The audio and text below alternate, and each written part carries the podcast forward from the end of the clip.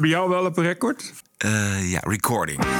This is the TPO podcast. Rutte en Kaag bouwen een nieuw kabinet. Mevrouw Kaag, wat zij zegt is van A tot Z correct. Maar wat zei Kaag dan? U bent kampioen framing, meneer Wilders. En ik gooi u deze aantijging keihard terug. En de Tweede Kamer loopt voorzitter mis. Er is inderdaad een deal. Mevrouw Kaag en meneer Rutte hebben een afspraak. Namelijk de beste moet het worden. En dat ben ik. Aflevering 242. Ranting and Reason. Bert Bresson. Roderick Phalo. This is the award-winning TPO podcast. Goedemorgen, Roderick. Vrijdagochtend 9 april alweer. En ik zag dat uh, de heer Cenk Willink goed geslapen heeft. Want die was alweer vroeg uit de veren op het Binnenhof. Die voert gesprekken. Ik geloof dat die op dit moment gevoerd worden met de middelgrote partijen. En dan uiteindelijk komt hij uit bij de grootste partij. Dat is nog altijd de VVD van Mark Rutte belangrijkste punten van overleg zijn de bestuurstijl en een meer onafhankelijke rol van de Tweede Kamer tegenover het kabinet. Dat is allemaal uh, de insteek van de gesprekken.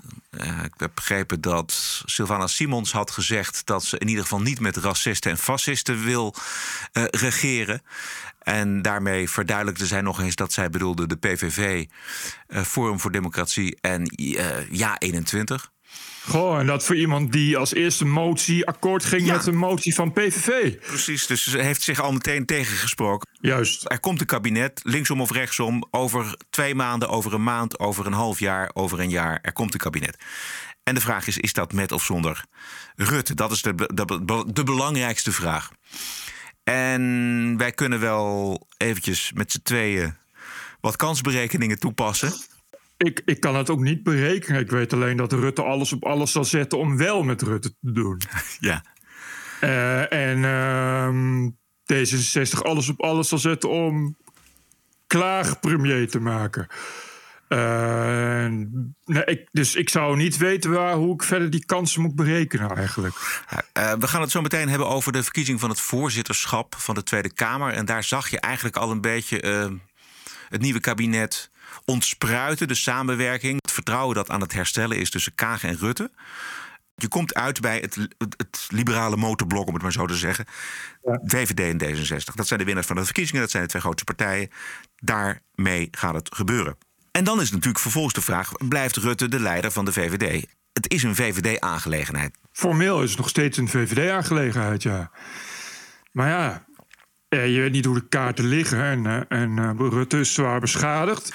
Kijk, Kaag heeft natuurlijk ook in dat kabinet gezeten vier jaar lang. Dus ja, ja bedoel, zij heeft ook meegedaan precies. aan het bestuurssysteem. En, zij, en ja. D66 wil besturen, dus ja. het is ook echt een bestuurspartij... en die willen hoe dan ook meeregeren. Dus kijk, ofwel uh, wordt het Kaag als premier... ofwel D66 krijgt gewoon hele belangrijke en veel kabinetsposities. Ja. Veel ministers en staatssecretarissen. En als jij zegt Kaag wordt premier, wat, wat voor kabinet krijgen we dan? Zit daar Rutte dan nog in? Oh ja of nee? Nee. Nee, dat gaat hij niet doen. nee, ik. dat denk ik ook niet. Ik denk dat de grootste tegenstanders van Rutte de. Ja, om het maar even zo te zeggen, de bevolking is. Hè. Volgens een een vandaag opiniepeiling vindt een meerderheid het niet acceptabel als Rutte weer premier wordt. Natuurlijk zijn dat exact. dagkoersen, dat kan over, ja, uh, over een maand weer anders zijn. Maar hij heeft heel veel credits verloren. Dus hij moet een beetje op kousenvoeten. Uh, als hij premier wordt, moet hij heel voorzichtig aan premier Precies. worden. Het kost wel een hoop stuurmanskunst ja. om nu alsnog premier te worden. D66 is de grote speler hier. Verbonden eh, aan de VVD. Want ook uh, ja. linksom, bedoel, Kaag kan wel roepen van... ik wil een zo progressief mogelijk kabinet. Maar ik heb dat dus van de week zitten uitrekenen. Maar dan kom je uit op een zeven partijen kabinet met ja, de SP. Uh, SP is veel te links voor, voor D66, ook voor het CDA. Uh, dus dat wordt, dat wordt helemaal niks. Dus ze zijn tot elkaar veroordeeld, inderdaad. Ja. En, uh, dus, ja, en dat geeft ze dus allebei ook mogelijkheden om hun wensen in te willigen. En dat houdt waarschijnlijk Rutte in het zadel. Cenk Willing komt ook uit bij dat liberale motorblok. Dat is één. Ja. Vervolgens ja. komt natuurlijk ook weer het CDA ter sprake. Want het is voor die beide partijen de meest logische uh, coalitiepartner. Ja, ze moeten wel. Ze moeten wel. Dus, en dan kom je ook weer bij omzicht terecht. Dus dan zijn we weer terug bij omzicht. En dat probleem. Nou ja, dat weten we niet. Maar goed, dat, dat is dus iets wat opgelost moet worden. Binnen, Ja. binnen de, het CDA ook. Eh, zonder CDA is uitgesloten. Dat zei je net al. Je, dan, moet- je kan wel, maar dan moet je alle partijen verder aan elkaar rijgen. En dan krijg je een, een achterlijk kabinet. Dat, niemand kan zoiets besturen. Nou ja, als het CDA. Ja, ik denk dat het inderdaad CDA is ook. Ja, na, al nadenkend. Kijk, je kunt zeggen CDA. Hoeveel hebben ze er? 15 zetels. Ehm, die kun je, die zou je. Kijk of dat klopt. Eh, CDA 15, ja. Ja. Ja. Wie, wie heeft Die nog heb je meer? nodig. Ja, die heb je, die heb je hard nodig. Kijk, op het moment dat je, dat je, dat je zeven van die partijtjes hebt, dat, Ja. dat, is, geen werk, dat is geen werkbaar kabinet. Nee. Dat, dat, dat, dat doet niemand. Dat, dat, is niet, dat, is gewoon niet, dat is gewoon niet werkbaar. En dat is het probleem van, van de huidige democratie natuurlijk, dat het versplinterd is. Ja, En dan, krijg je, dan krijg je, ja, dit, dan kun je nog beter, eh, dan krijg je, kun je nog beter met gedoogpartijen gaan werken. Niet dat dat stabiel is, maar dat is in elk geval nog stabieler dan. Dus, maar dat is, dat is allemaal niks. Dus je hebt, je hebt die, die derde per grote partij nodig. Ja. En, En, en, en denk ook, vergeet ook niet dat PVV en FVD sowieso afvallen. Dus kijk, PVV is nog een grote partij. FVD heeft er ook acht. Eh, maar daar kun je sowieso niks mee. dat zorgt ook voor de druk om er uit, uiteindelijk uit te komen. Uiteindelijk kom je dus uit bij VVD, D66, CDA en dan denk ik nog een andere middenpartij. En dat zou mijn, naar mijn idee de Partij van de Arbeid kunnen zijn. Dan heb je vier eh partijenkabinet, een ruime meerderheid en dan moet je aan de slag. Maar dat is, dat kijk, dat is dus het punt, dat is de enige mogelijkheid. Dus heb je CDA nodig. Dat is Ja. de enige partij die er nog bij moet. Maar als dat gezeik oplevert, wat het heel goed kan, zeker met omzicht, ja, dan houdt het gewoon op. Maar Daar, zijn er, overigens, dat is ook zo, dan zijn er twee mogelijkheden. Of het gaat heel lang voortslepen, dan krijg je echt naar Belgische proporties. Dat, je, dat je oneindig gewoon geen kabinet hebt. Of er komen nieuwe verkiezingen. En als je nu nieuwe verkiezingen hebt, dan gaat Omtzigt zich verkiesbaar stellen op zijn eigen partij. Maar we weten hoe dat gaat aflopen. ja, Dan wordt het daarna nog moeilijker om een kabinet te vormen. ja, oké, het zou kunnen. Maar ik denk iets anders. Ik denk, Omtzigt die heeft zich ook altijd die vier jaar opgesteld niet super hard. Wel inhoudelijk hard, maar niet eh, qua, qua poppetjes. Weet je wel, hij heeft altijd gezegd: het gaat mij niet om dat ik een motie van wantrouwen tegen een minister indien. Het gaat erom dat de bedrijfs of dat de cultuur verandert, et cetera, tegenmacht. eh, nou, dat hele verhaal. Dus Ja. ik, ik denk dat omzicht ook gematigd genoeg is om als hij iets binnen weet te halen. Binnen dat CDA en binnen de, binnen de Tweede Kamer als geheel en misschien wel binnen het kabinet. Dat hij Rutte het voordeel van de twijfel geeft. Dus wat, eh, het is geen revolutionair omzicht. Nee, Omzicht, nee dat is waar. Omtzigt zoekt naar. En die is ook niet iemand die een eigen partij gaat oprichten of leiden. Dan is hij binnen de kortste keren weer overwerkt. Dat gaat hij niet doen. dus hij, gaat, hij blijft binnen het CDA. Maar hij heeft natuurlijk wel een fantastische resultaat eh, gehaald tijdens de verkiezing. Dus hij heeft echt iets in de melk te brokkelen. En als hij het goed speelt, Ja. dan kan hij ja, een deel van zijn filosofie die hij heeft eh, opgeschreven in een, in een prachtig boek, kan die eh, voor elkaar krijgen. En hij heeft eigenlijk al best wel veel voor elkaar. Hè? Alleen al het besef dat bij alle partijen, inclusief Rutte, dat er macht en tegenmacht nodig is. Dus het zou ook nog wel eens gepacificeerd kunnen aflopen. Het zou kunnen, ja. Rutte erbij, Kaag erbij, Ploemen erbij. Nee, nee dat, dat, PvdA is, is voor de, de meest voor de hand liggende optie. Aangezien ChristenUnie eruit is, dat sowieso. Ja. Bovendien heb je dan Ploemen, dus nog meer vrouwelijk leiderschap. Dus Ja. het is dan voor, iedereen winnen. Ja. Maar En- het CDA, maar het CDA is natuurlijk, natuurlijk eh, eh, eh, partij in, in een beetje in chaos. Hoop, hoop gedoe. Dat is niet zomaar, daar zijn ze nog niet zomaar uit. Eh, zometeen een paar mooie fragmenten uit de speech van Martin Bosma. Eh, maar eerst eventjes de aanloop, want opeens was daar de kandidatuur van Vera Bergkamp. En op hoeveel steun kon zij dan rekenen? Dat was eigenlijk volstrekt onduidelijk. Eh, Niemand kende haar ook. nee, precies. Er hing een enorme deal in de lucht. Hij moet alleen nog eventjes benoemd worden. En dat gebeurde in een werkelijk geweldige schaakpartij tussen Kaag en Wilders. En de openingsset is van Wilders. En een van grote tactische schoonheid. Voorzitter, ehm, het is vaak koehandelen in de politiek. En ik begrijp dat de heer Rutte en de VVD moeten werken aan herstel van vertrouwen bij D66. En vandaar heb ik van u een vraag eh, die als volgt is. Heeft u de afgelopen dagen met de heer Rutte of de VVD of iemand namens D66 met de VVD gesproken over de kandidaten voor het Kamervoorzitterschap? Elkaar. Um, ik heb de heer Rutte gesproken. Um, en dat is uh, een gesprek ook om um, ja, gewoon elkaar te zien en te spreken na alles wat er gebeurd is. Uh, en in tweede instantie hebben collega's van mij geïnformeerd over de mogelijkheden van de kandidatuur van D66. En ik teken daarbij aan dat er geen enkele uh, steunstemverwachting is uitgesproken. Ik zie dit als een vrije kwestie. Wij weten niet wie voor onze kandidaat gaat stemmen. Ik vond dit zo'n meesterlijke zet van Wilders. Yep. Ze, ze wordt ook verrast. Ze moet toegeven dat ze met, Wilde, of met Rutte heeft gesproken. Juist. Uh, dan zegt ze: Ja, ik heb met Rutte gesproken. Uh, en uh, gewoon ja. om elkaar weer te spreken. Ja, ik, ja. ja. Maar en ze moet het uiteindelijk toegeven natuurlijk. Ze moet zeggen, ja, Juist. en we hebben het ook gehad Juist. daar en daarover. Ja, en dan ben je eigenlijk, eigenlijk al verloren. Uh, Wilders vraagt uiteraard naar uh, transparantie en nieuw leiderschap. Kunt u in de openbaarheid nu zeggen wat u tegen de Rutte over het Kamervoorzitterschap heeft gezegd en wat uw, uh, uw collega's tegen de andere VVD-leden hebben gevraagd want ik neem aan dat u wat heeft gevraagd of heeft besproken. Ja, wat, waar, waarom heeft u anders de afgelopen dagen contact gehad met de heer Rutte? Wat is daar, laten we daar ook uw eigen transparantie eens op tafel gooien. Wat heeft u en uw collega's richting heer Rutte en de VVD over het Kamervoorzitterschap precies gezegd? Mevrouw Kaag. Nou, daar kan ik heel kort in zijn. Ik heb een opmerking gemaakt dat uh, wij overwegen, en dat hebben we vanochtend pas bevestigd met onszelf. Ik werd gebeld, uh, toevallig ook om half acht, maar door Vera Bergkamp. Um, en belde mij om te zeggen: Ik heb besloten mij te kandideren voor het Kamerlidmaatschap. Toen zei ik: Oh, nou geweldig. Ze zei gewoon tegen mij: It's a go. Ben je ermee eens? Ik zei ja. Uh, en ik heb gisteren, toen ik de heer Rutte sprak, en het was een persoonlijk gesprek, um, heb ik gezegd: Oh aan het einde, oh ja, wij denken erover na om Vera Bergkamp zich te laten kandideren. De heer Rutte zei uh, iets van, hij staat hier zelf. Nee, hem de zelf vraag is aan u gesteld. Ja, nou goed. En de heer Rutte zei dat hij het ook een goed idee vindt als mensen daar als een vrije kwestie, in het verleden hebben ze dat kennelijk bij de VVD zo behandeld, als vrije kwestie wordt behandeld. Niemand weet wat, wat, wat zij daarmee bedoelt met een vrije kwestie. Ja, ja, niemand gelooft dit, denk ik. nee, het komt niet over alsof je dit überhaupt wil geloven. Dit, dit is uh, meteen, uh, meteen de bevestiging van de Kaag-doctrine.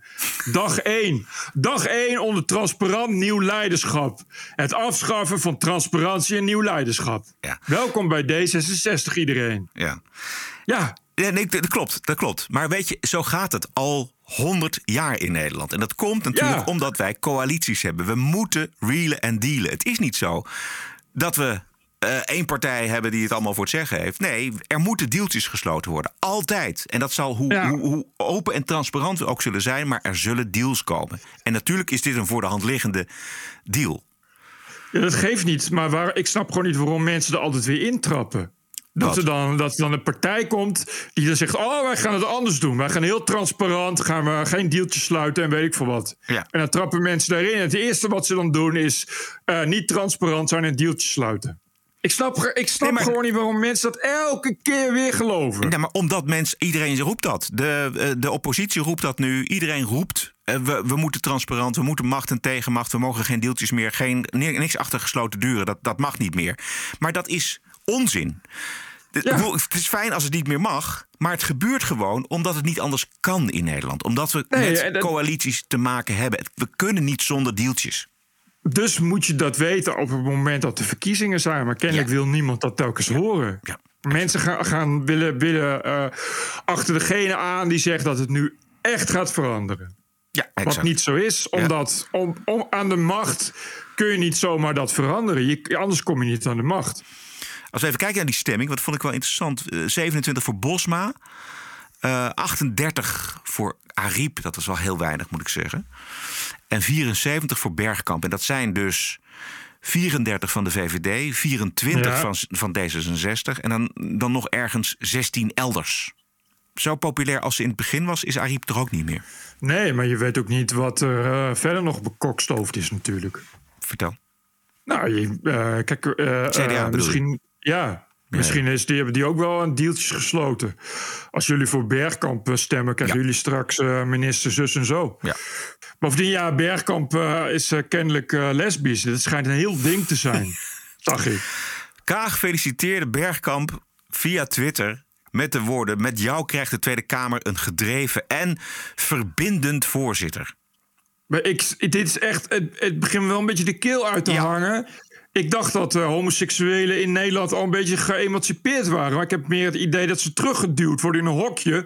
Zodat anderen ermee kunnen flyeren dat ze die homoseksuelen gaan emanciperen. Maar bovendien, Bert, wie zegt mij dat een lesbisch of een homoseksueel iemand een verbindend iemand is? Ja, dat snap ik dus. Dat bedoel ik. ik en dan ook, ik had op een gegeven moment kreeg ik echt het idee dat er gewoon iemand gekozen is op het feit dat ze lesbisch is. Niet op de inhoud. Dat ze misschien ook nog een goede voorzitter is. Dat je, je moest ook echt zoeken. Dat je, dat je als je dan als leek ernaar kijkt, denk je van: oh, hebben jullie verkiezingen voor de beste lesbienne in de Kamer of zoiets? Nee, nee, dat is een Kamervoorzitterschap. Oh.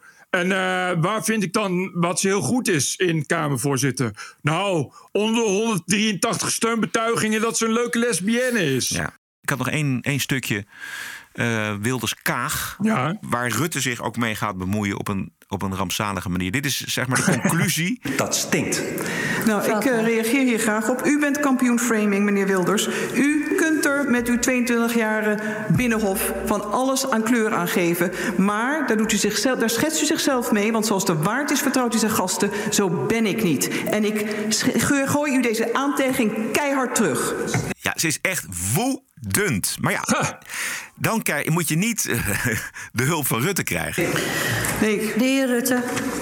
Ja, mevrouw de voorzitter, ik heb de afgelopen dagen met veel collega's contact gehad. Zo belde de heer Zegers mij nog uh, vrijdagavond. Uh, uh, en inderdaad, ook met mevrouw Kaag. Wat zij zegt is van A tot Z correct. ja, Jesus en Christ. Dat, en dat gelooft iedereen. Ja, nee, maar dit, kijk, ik bedoel, dat, Rutte moet echt nog heel erg dat vertrouwen terugwinnen. Want dit gaat er bij mij niet in. Dit Bijna, gelooft helemaal niemand. Nee, dit gelooft helemaal niemand. Hoe dan ook. Uh, Bosma geen voorzitter, wat voor ons gewoon een reden tot feest is.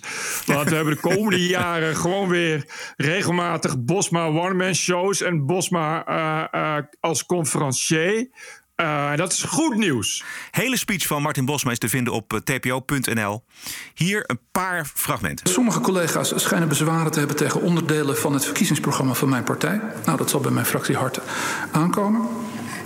Om te beginnen, ja, ik ben geen lid van de PVV. Ik ben het ook nooit geweest. ik hou ze zelf ook een beetje op een afstand. Um, ik, ik, leef bij het adagium van Groucho Marx. Die zei, ik zou nooit lid, voor, lid worden van een club die mij zou accepteren als lid. Maar het maakt allemaal niet uit voor welke fractie ik hier zit. Want daar merkt u nooit iets van als, uh, als ik straks voorzitter ben. We kregen ooit een uh, vrouwelijke voorzitter. Dat was mevrouw Jeltje van Nieuwenhoven. En dat werd gezien, gepresenteerd en terecht als een doorbraak in de emancipatie van de vrouw. En we kregen een uh, uh, geweldige voorzitter van Marokkaanse Nederlandse komaf. En dat werd even terecht gezien als een doorbraak in de emancipatie van het Marokkaanse bevolkingsdeel. En ik zie ook mijn kandidatuur vandaag als een bijdrage van mijn bevolkingsdeel. De 15 tot 20 procent van de Nederlandse bevolking die wordt weggezet als tokkies, populisten. Dan wel onderklasse mensen waarvan de minister van Binnenlandse Zaken zegt dat ze geen cultuur of beschaving hebben. En dus nooit in de regering, nooit in de regering mogen komen. En anders moet de Republiek Amsterdam worden uitgeroepen. Recentelijk parkeerden ze ons nog even in de hoek van de nazi's. Dat noemt ze waarschijnlijk verbinding. En dat is niet een detail, het is uiteindelijk een doodzonde. Het staat haaks op elk democratisch gevoel. Dus gewoon een oproep tot apartheid.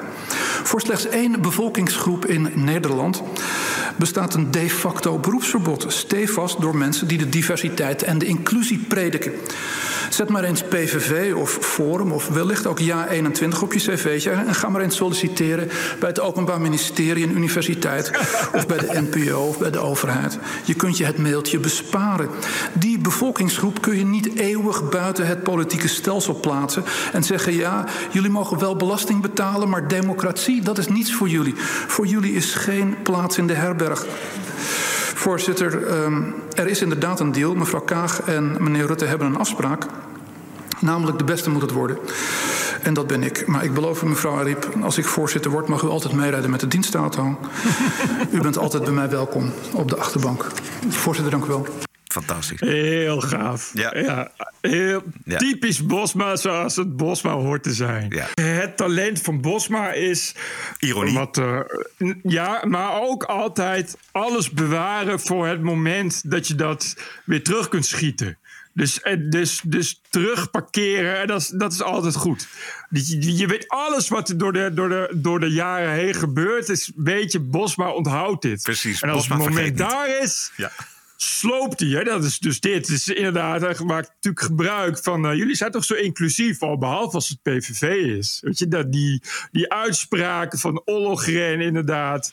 eh, dit zijn, eh, dat, dat, dat PVV een soort minderwaardige ras is, wat nooit in de regering mag komen en zo. Altijd gewoon tegen die mensen gebruiken. Ja. Gewoon wachten tot het moment daar is. En dat is, dat moet hij goed. Want inclusiviteit, democratie, bla bla bla. Oh ja, oh, behalve als PVV'ers zijn, dan moet je kapot. Juist. En hij haalt meteen zijn gelijk met de uitslag. Exact, natuurlijk had hij met de uitslag. Ja. Dat, dat was ook te verwachten. Dat, dat je weet, hij gaat het niet worden. Maar Bosma gaat het mooi. Dan gaat het heel mooi uitventen. TPO Podcast. Zometeen natuurlijk de Wolkweek. We hebben weer eh, een aantal schrijnende voorbeelden. Maar eerst eventjes iets over de GroenLinks colleges in Nederland. Want volgend jaar worden zij zo goed als allemaal opgedoekt. Eh, dan zijn er namelijk gemeenteraadsverkiezingen. En als de huidige trend een beetje wil doorzetten... rekent Nederland af met de luchtfietserij... en het wokgehalte van het lokale bestuur in Nederland. Godzijdank. Maar eh, tot die tijd zal de totalitaire greep van GroenLinks nog wel eh, groeien. In Amsterdam wil het college de houtkachels en open haarden gaan verbieden. Drogreden is de fijnstof die vrijkomt als je een houtblokje in het vuur gooit. Niet, dat, Oh, dit, man. niet dat dit een groeiend probleem is. eh, want het aantal houtkachels in, in, en open haarden in Nederland is al jaren stabiel. Maar, en let nu eventjes op, doordat het verkeer en de industrie steeds minder uitstoot voor hun rekening nemen, neemt het aandeel van de houtkachels toe. En dus Oh, moeten ze Echt. verboden worden, zegt GroenLinks. Nou, het, niet alleen GroenLinks.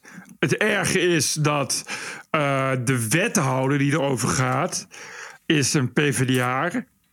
En die heeft op verzoek van de Partij voor de Dieren. De Partij voor de Dieren is, is wat, eh, wat echt op eh, spijkers op laag water neurotisch jammeren betreft. Echt de allergrootste. Dat is echt, echt, die hebben toen ook over het oplaten van ballonnen. Want die komen dan in de natuur en dat soort gelul. Dan moet je bij de Partij voor de Dieren zijn. Dus die hebben net zo lang gedramd tot daar een onderzoek naar kwam.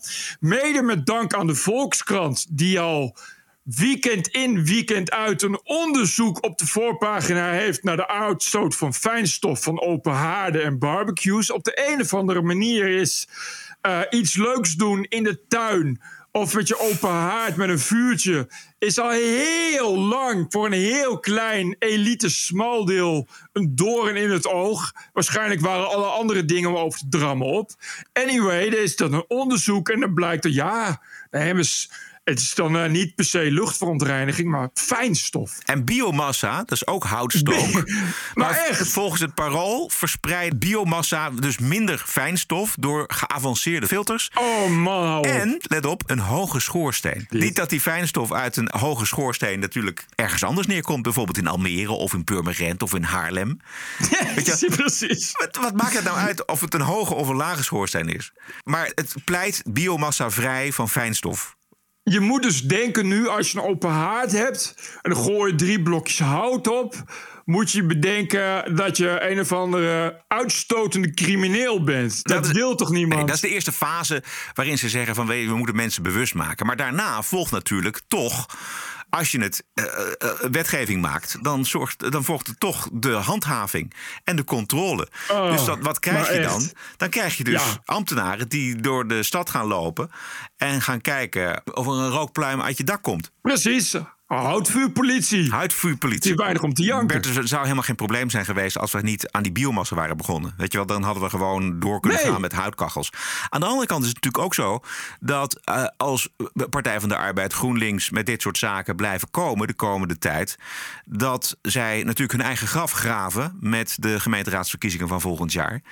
Dus wat dat betreft mogen ze nog wel eventjes doorgaan. Dit, dit, hier is echt geen draagvlak voor. De bezopenheid van dit soort dingen. En, het is is een totalitaire gedachte. Weet je, we, we gaan, we- Dat. we, we- we gaan gewoon controleren. Uiteindelijk gaan we controleren en dan gaan we verbieden. Achter de voordeur. Houtstook verbieden. Het is ook nieuw. Hè? Het is echt iets wat de afgelopen jaren ineens waren er dan mensen die dan, die dan gaan klagen over dat ze het heel erg zwaar hebben. Als de buren hout stoken. Dat Annabel Nannega zei dat goed. Die zei: ja, wacht maar tot er straks weer in het oosten van het land de paasvuren worden gestookt. Want dan gaan ze dan in Amsterdam overdrammen. Dat ze dat ook merken.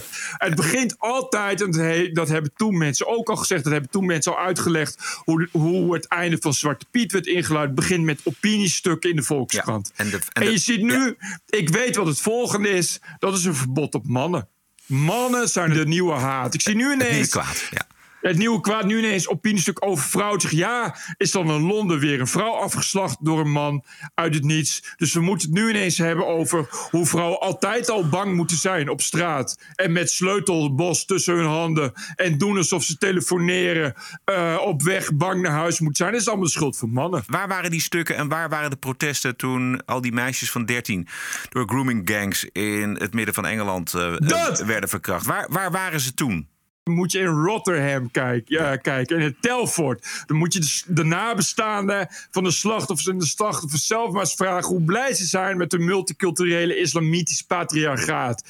Hoor je niks over, niets. En dan inderdaad is het, oh nee, laten we het over de toxische rape culture van mannen hebben. Ik heb nog nooit nul opiniestukken gelezen van mensen die zeiden, nou, als we allemaal eh, eh, vluchtelingen binnenlaten, dan wordt het misschien voor mannen wel, eh, wel erger. Want ja, die komen uit een cultuur waarin dat een stuk normaler is. Waarin het vrouwen lastigvallen omdat ze geen hoofddoekje op hebben, best wel gewaardeerd wordt in hun eigen cultuur. Niemand, 0,0. Ik kreeg een mooie tip. Een, eh, een Brits televisieprogramma over eh, dit onderwerp. Over racisme, criminaliteit, stigmatisering, etnisch profileren. Eh, is van vorig jaar en gemaakt door de man die 30 jaar lang in Groot-Brittannië leiding gaf aan de Britse Commissie voor Mensenrechten en Gelijkheid, Trevor Phillips. My name is Trevor Phillips. For 10 years, I led Britain's equality commissions. It was my job to make sure that different racial and religious groups got on. Campaigners like me sincerely believed that if we could prevent people expressing prejudiced ideas, then eventually they'd stop thinking them. But now, I'm convinced that we were utterly wrong. In a world riven by racial and religious strife, some things are just too important to be left unsaid, even if they might offend people. So in this film, I'm going to say some of the things that we once told you were forbidden. And I know that in the next five minutes, some of you will be saying, I don't care what color he is. He's being totally racist. Yeah. Yeah. Trevor Phillips, ik heb een paar fragmenten. Trevor Phillips is een donkere man. Wou net zeggen. En dat is eventjes belangrijk om te zeggen. Hij gaf dus leiding aan die Britse Commissie voor Mensenrechten en Gelijkheid. En hij zegt inderdaad dingen. Hij noemt feiten die mensen liever niet willen horen. The idea that different groups really do commit different crimes may sound like a racial slur. But it's true. Let's take pickpocketing in London. Here's the number of arrests the Met made for that offence in 2012. Of those, over a third were from a single group Romanians. Some people would say it's dangerous to pick out Romanians in this way. Experts call it racial profiling and worry that it encourages the police to discriminate. But would it still be racist if we could accurately say something similar about other ethnic groups? Consider black people in England and Wales.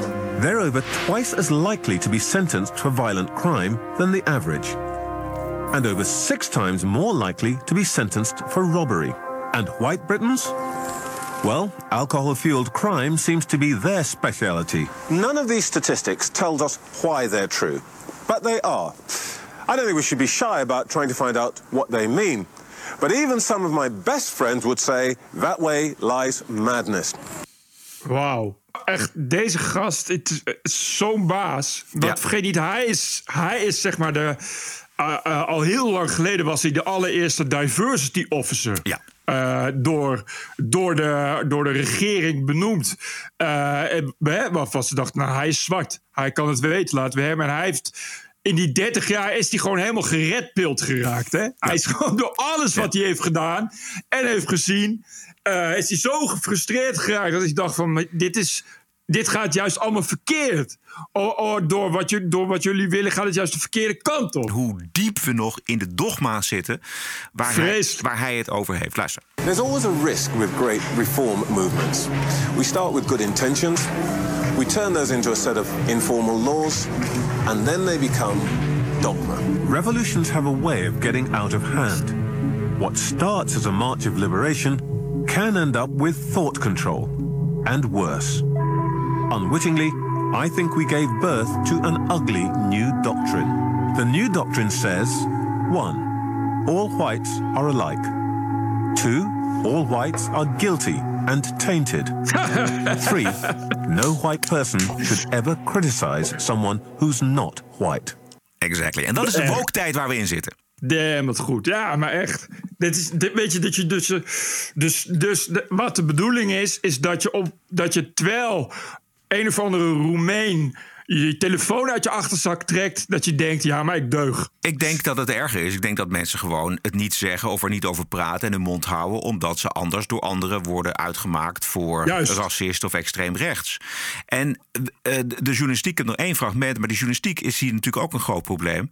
Ja, heel uh, erg. Andrew Norfolk is chef onderzoek journalistiek bij The Times. En hij praat over de grooming gangs, waar we het net over hadden. Hè? Dat grote Ja, netwerk ja, ja, ja. van vooral Pakistaanse moslims die het voorzien hadden op blanke Engelse meisjes. Seksueel misbruik. Stilgehouden door politici, de politie en Ja. de journalisten. Tot het niet meer ging. Andrew Norfolk is now the chief investigative reporter for The Times. When he first heard about this story, his liberal angst kicked in immediately. My reaction was, how on earth do you cover this story? Because it's the dream story for the far right. I, I as a as a journalist, wrote a simple story, a single story, and moved on and hoped it wasn't true. More shame on me because as the years passed, I then began to see as stories came in from across the north and the Midlands. Did you think people were saying this bloke Norfolk, he's a bit of a racist? They were. I, you know, I, I- I read I read articles, I read comments in various social media networks. Um, it was quite strange and deeply unpleasant to, to get to the age of 45 and for the very first time in your life be accused of being racist. En dit is hoe de woke-beweging, de zogenaamde antiracisme-beweging, het onderwerp probeert te domineren. Door anderen letterlijk het zwijgen op te leggen, door anderen uit te maken voor racisten. En dat is zo'n ongelooflijk effectieve manier om het debat te domineren. En daar zitten we middenin. Terwijl er ook dus, dus weet je, gewoon een die liberal angst. Er zit gewoon al een, een reflex in die je dan als journalist hebt. Je kan dus eigenlijk als journalist eh, kun je dat gewoon niet meer onbevangen doen. Dus iemand heeft, eh, dat, iemand komt en zegt: Ik heb een mega scoop voor je. Lever ik je op een presenteerblaadje aan. En dan is niet het eerste wat je denkt: Yes, een mega scoop. Het eerste wat je denkt is: Oh, als het maar niet eh, olie op het vuur is voor extreem rechts. Ja, exact. Wat, wat echt, wat echt. Wat echt totaal bizar is, omdat je, je zou volledig vrij moeten zijn van dat soort, van dat soort eh, hindernissen, van dat soort gedachten. Je, je enige gedachte zou moeten zijn: ik ben objectief, dus ik kan elke scoop brengen die ik wil. als het maar waar is. Plus dat het dus, als je het niet doet, de gevolgen extreem zijn. Dat zegt hij ook in dat programma, die man van de Times. Die zegt: Ik heb het te lang weggehouden. En hoeveel kinderen van 13 en 14 jaar zijn daardoor nog eh, extra seksueel misbruikt? Vreselijk. Als, als je je beroep onder het tapijt veegt, je plicht onder het tapijt veegt en het verhaal onder het tapijt veegt en dit gewoon laat bestaan. Wat een slachtoffers dat heeft gekost.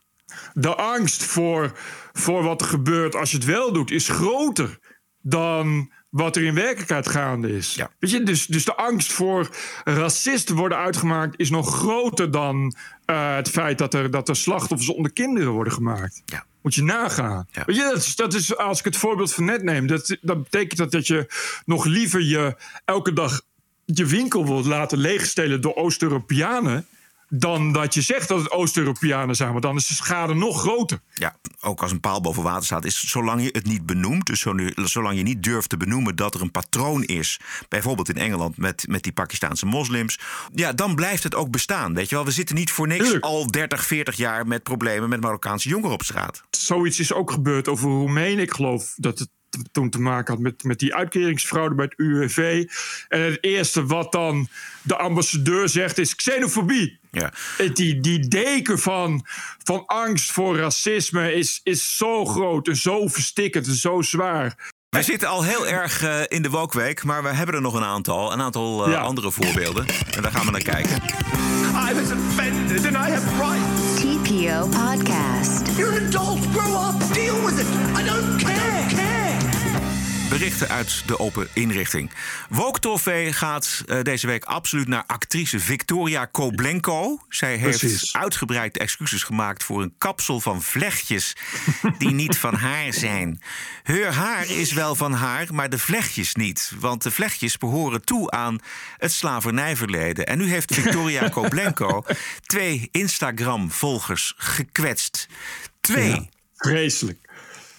Het is heel erg als je Instagram-volgers kwetst. Culturele goed, toe-eigening. Goed, dat ze uh, excuses aanbiedt. Het is echt, ik vind het mooi dat.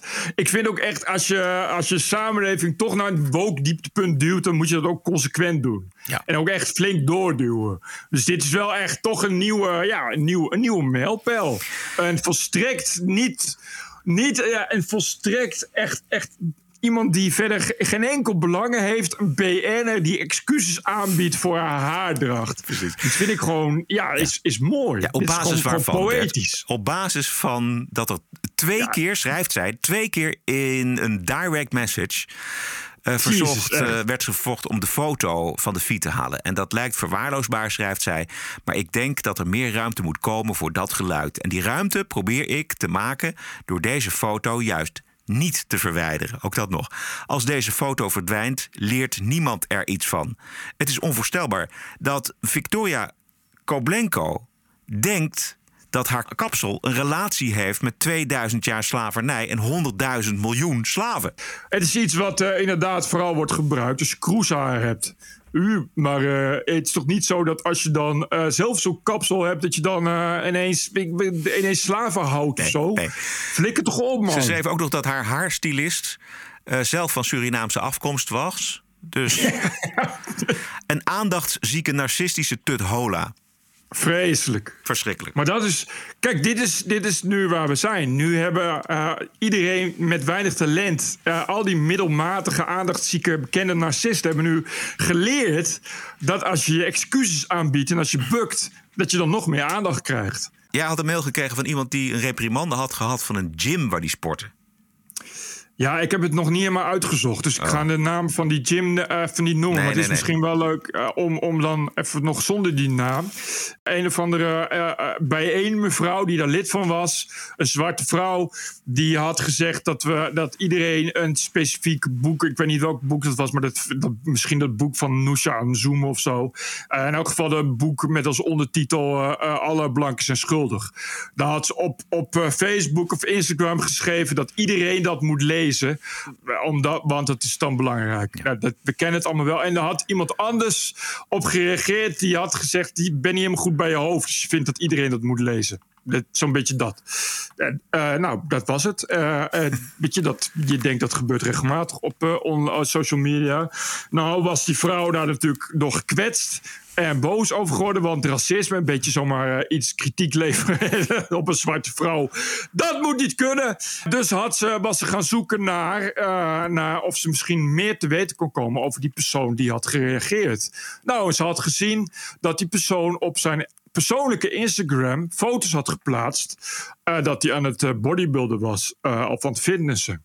Dus had ze uitgezocht welke fitnessruimte dat was. Nou, had ze gevonden, was ergens in Amsterdam. Een bekende fitnessruimte. Dus toen heeft ze die fitnessruimte gemaild met de mededeling. Iemand die lid is voor jullie fitness en die daar regelmatig fitness, heeft iets kwetsend tegen mij gezegd. En ik ben een zwarte vrouw. Toen heeft die eigenaar van die fitnessruimte naar die jongen gemaild. Hallo, wij kregen een klacht dat jij online iets kwetsends white supremacy hebt gezegd tegen die vrouw. En wij zijn een inclusieve fitnessruimte en vinden dat er geen ruimte moet zijn voor dat soort dingen. Terwijl die jongen was geen eens lid meer van die fitnessruimte. En al was hij dat wel, dan ga je toch niet als fitnessorganisatie met dat soort dingen bemoeien. Dit is dus normaal. Want uh, de streaming service Twitch gaat nu ook mensen bannen die buiten Twitch om kwetsende dingen doen. Godsamme zeg. Twitch is, ik weet niet wat het is, volgens mij voor gamers gebruiken dat. Hè? Voor, dat je gewoon uh, live, live filmpjes kunt streamen. En die hebben natuurlijk al een beleid dat je, nee, je mag niet, uh, niet te veel kwetsende filmpjes plaatsen, want dan word je verwijderd. Maar die ook als je dus, als ze nu dus klachten krijgen dat iemand buiten Twitch om zich bezighoudt met kwetsende dingen. En ze zeggen letterlijk, uh, bijvoorbeeld leidinggever of lid zijn van een haatzaaiende groepering.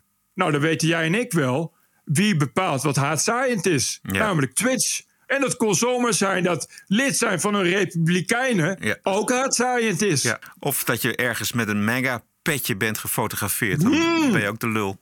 Ook een prachtig woke-verhaal is de VPRO en treitervlogger Ismail Ilgun. Uh, dat is die gast die in Zaandam uh, mensen lastig viel bij een supermarkt. En daarvoor beloond werd door alle progressieve media en uh, interviews en eigen programma's kreeg toen op een gegeven moment. En de VPRO die had bedacht: weet je wat, we gaan hem een programma laten presenteren over mensen die tegen hun wil in viraal zijn gegaan. Shaming dus. En de plannen waren rond. De VPRO was blij. En toen was er een journalist die dacht: hey, Laten we eens eventjes kijken. Dat is toch die gast die dikke vrienden is met uh, haatvloggers... die zelf heel bedreven zijn in het shamen van, van meisjes bijvoorbeeld. En de VPRO die was onmiddellijk geschrokken. Treitervlogger gecanceld en excuses natuurlijk. We begrijpen dat mensen de keus voor hem als kwetsend hebben ervaren dat je ook echt geld en middelen en resources besteedt en dan gewoon je hele shit al klaar hebt. En dan, oh, oh, excuses gecanceld. dus zou je ook niet, dat je ook niet zegt van, nou ja, oké, okay, uh, eh, dat wisten wij ook wel, maar we wilden toch. En uh, weet je, we hebben en de, de programma is al gemaakt en uh, geeft de kans. Nee, oh, excuses, cancelen, doei. Het zegt, ook iets over de en het zegt ook iets over de gretigheid waarmee de VPRO deze jongen weer binnenhaalt. Weet je wel, van ja, dat is leuk. En het is toch een kansenjongere. En hij heeft al een aantal kansen gekregen. Maar hij heeft ze, ja, wat dat betreft kun je zeggen, Rutte uh, heeft nogal wat uh, uh, kansen te goed. Weet je, als je kijkt naar wat voor mensen zoals deze treitervlogger aan kansen krijgt. De treitervlogger die roept dan van ja, dit overkomt alleen allochtonen in Nederland. Natuurlijk, natuurlijk. Dat heeft allemaal met zijn huidskleur en zijn afkomst te maken. Uh, kwam nog een bericht tegen van 255 transgender gedetineerden in Californië. Die vragen overplaatsing naar de vrouwengevangenissen. En daar hebben ze recht op, want vanaf 1 januari is van kracht een wet die bepaalt dat gevangenen gehuisvest moeten worden op basis van hoe zij zich voelen. Ook wel gender genoemd. Hè. Dus 255 biologische mannen die zullen uh, de rest van hun straf uitzitten tussen de vrouwen. Met alle gevolgen van dien. en dat, dat, zullen de vrouwen leuk vinden. Precies, dat kan echt ongelooflijk misgaan. Dat is echt een begrip in Engeland. Karen White, transgender, belandde dus in de vrouwengevangenis. Waarop hij prompt vrouwen seksueel ging misbruiken. Ja! Amsterdamse raadlid Sheher Khan van de firma Denk die wil dat we stoppen met islamitisch terrorisme ook te benoemen als islamitisch terrorisme. Want, zegt de heer Kaan, in een motie zelfs, islamitisch terrorisme bestaat helemaal niet. Er zijn namelijk extremisten die deze religie misbruiken voor hun politieke doeleinden. En door de term te gebruiken in de Amsterdamse raadzaal en daarbuiten worden moslims gestigmatiseerd. De, het verzoek van de heer Kaan zou relevant kunnen zijn, maar wordt, naar mijn idee, op de verkeerde plaats gesteld. Hij moet naar die terreurgroepen zoals Islamitische Jihad en de overblijfselen van Islamitische Staat en de firma Boko Haram en de slagers van Charlie Hebdo. En de Taliban en al die andere extremistische moslims die hun inspiratie halen uit de religie van vrede en trots zijn op de naam islamitische terreur. Precies. Zou daar de stigmatisering niet veel meer vandaan komen, meneer Kaan? Dat zou je denken, maar kennelijk is de gedachte wederom, as usual... als ze nou maar ophouden met het zo te noemen... dan zijn ook alle problemen opgelost. Ja. Als je niet nooit meer zegt islamitische terreur... is ook geen islamitische terreur. Mooi toch? Had je nog? Ja, ik had er nog eentje. Heet het. Uh, vandaag in Elsevier Weekblad een verhaal van een docent, Tim Gouderiaan. Persoonsgegevens van medewerkers van universiteiten worden binnenkort gedeeld met het CBS in het kader van de barometer culturele diversiteit. Het gaat uh, onder meer om etniciteit. Dat is ongelooflijk, hè? Dat je dat moet delen met, ja, met, met het CBS. Medewerkers kunnen individueel bezwaar maken. Maar die termijn is uh, kort en verloopt in sommige gevallen uh, verloopt die termijn al vandaag. En dat is geen zuivere koffie. Waarschuwt docent Tim Gouderiaan in Elsevier's Weekblad. Allemaal in het kader van de barometer culturele diversiteit. Even kijken hoor, ik zal het even een stukje lezen. De barometer is controversieel. Joop Schippers, hoogleraar arbeids- en emancipatie-economie van de Universiteit van Utrecht, maakte zich vorig jaar al zorgen over privacy in relatie tot deze barometer en noemde het plan toen ook al onderdacht. Afgelopen december nog torpedeerde de Tweede Kamer plannen voor diversiteit in het hoger onderwijs.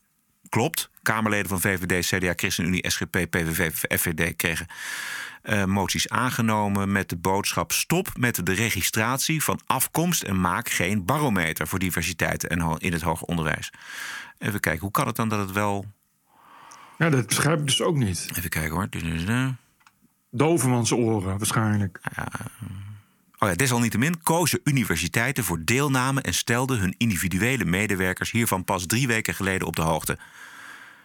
Zij konden binnen een termijn van twee à drie weken bezwaar maken in het geval van de Universiteit van Utrecht eindigt die termijn vandaag. Doen zij dat niet, dan worden hun persoonsgegevens verwerkt in de barometer. Jezus. Goh, het is echt. Dit is, uh, ja. Het gaat steeds verder. Het grijpt steeds verder in ook op uh, mensen hun persoonlijke leven, kennelijk. Ja, en, en, het, en het gebeurt. Uh, het wordt er doorheen gedrukt. Ja. Ja, bijna een soort van stiekem. Dan krijg je toch, oh ja, sorry, jullie hebben drie weken om bezwaar te maken. Vinden jullie niet erg, hè? Daarna uh, gaat het automatisch gebeuren. Ja, uh, Oké. Okay. Ja, Het lijkt een beetje op uh, de donorwet. Hè, ja, dat zat ik dus ook aan te zolang denken. je geen bezwaar maakt, sturen we gegevens door over je etniciteit aan het ja. Centraal Bureau voor de Statistiek. Je, je lichaam is automatisch uh, bezit van de overheid. Je huidskleur, ja. En als, als je dat niet wil, dan uh, moet je bezwaar maken. En hier ook. Je bent gewoon automatisch gaan we, gaan we, gaan we je gegevens harvesten. Of je huidskleur en je geslacht. En als je dat niet wil, dan moet je bezwaar maken. Maar als je dus geen bezwaar maakt, dan, dan komt het gewoon automatisch. Uh, ja, wordt dat, wordt dat geregistreerd. luchtvaartmaatschappij United. gaat het kennelijk heel goed, ondanks corona. Die willen in 2030 in totaal 5000 nieuwe piloten hebben opgeleid via hun eigen opleidingsprogramma. Uh, maar tenminste de helft moet vrouw en of gekleurd zijn. Voor de opleidingen? Uh, nee, ja, nee oké, okay, maar ze willen dus uh, in 2030 5000 nieuwe piloten hebben. Ja, dat klopt. En dat, het goedkoopste is dat om dat zelf op te leiden. En dan moet dus de helft moet vrouw of gekleurd zijn. Ja, voor de opleiding. Maar goed, dat betekent dus ook de helft piloten. Want anders doe je die opleiding niet. Ja, ik heb het ook gelezen, maar ik vond het, ik vond het nog. Misschien dat het later nog erger wordt, maar voor de opleiding vind je, kan je het natuurlijk prima vinden. Maar helemaal erg wordt, en dit is natuurlijk de volgende stap, dat de uitkomst ook Precies, zo divers is... moet zijn. Dus dan ga je dus sjoemelen met de toelatingseisen. Dus dan zeg je, ja, nou ja, iemand kan uh, niet zo heel erg goed de afstand inschatten tot de landingsbaan. maar hij heeft wel een goed kleurtje op. Hij is van de LGBTH-community, uh, dus uh, oké. Okay. Dat je omkomt in een crash en dat je denkt, nou ja, oké, okay, maar de piloot is wel homoseksueel. ja. Ja, dus, dit, dus maar dit, voor de opleiding inderdaad. op zich vind ik het niet zo'n probleem. Want ik, ik dacht hetzelfde wat jij dacht. Maar het wordt natuurlijk rampzalig als men ook eisen aan de uitkomst van die opleiding gaat, uh, gaat stellen. Nou, uh, ze hebben wel. United gaat 2,4 miljard dollar ter beschikking stellen. Om ook um, mensen die normaal financieel die opleiding niet kunnen betalen, om de opleiding te betalen. Mm -hmm. uh, dit is niet nieuw. Ik kreeg een mailtje van iemand die is zelf piloot.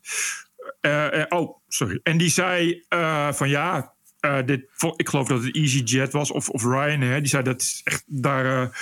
is het al zo dat al jaren alleen voor vrouwen bijvoorbeeld wordt het conversietraject. Dus als je gewend bent in een ander toestel te vliegen, dan moet je op cursus om een nieuw toestel te leren kennen. Kost 30.000 euro.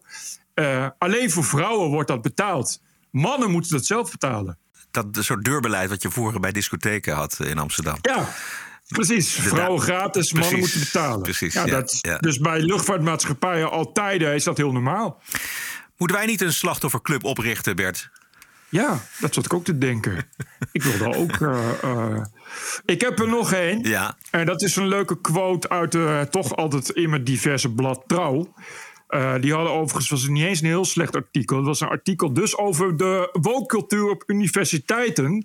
Uh, waar in Nederland natuurlijk ook steeds meer weerstand tegen is. Ook vanuit hoogleraren uh, en personeel.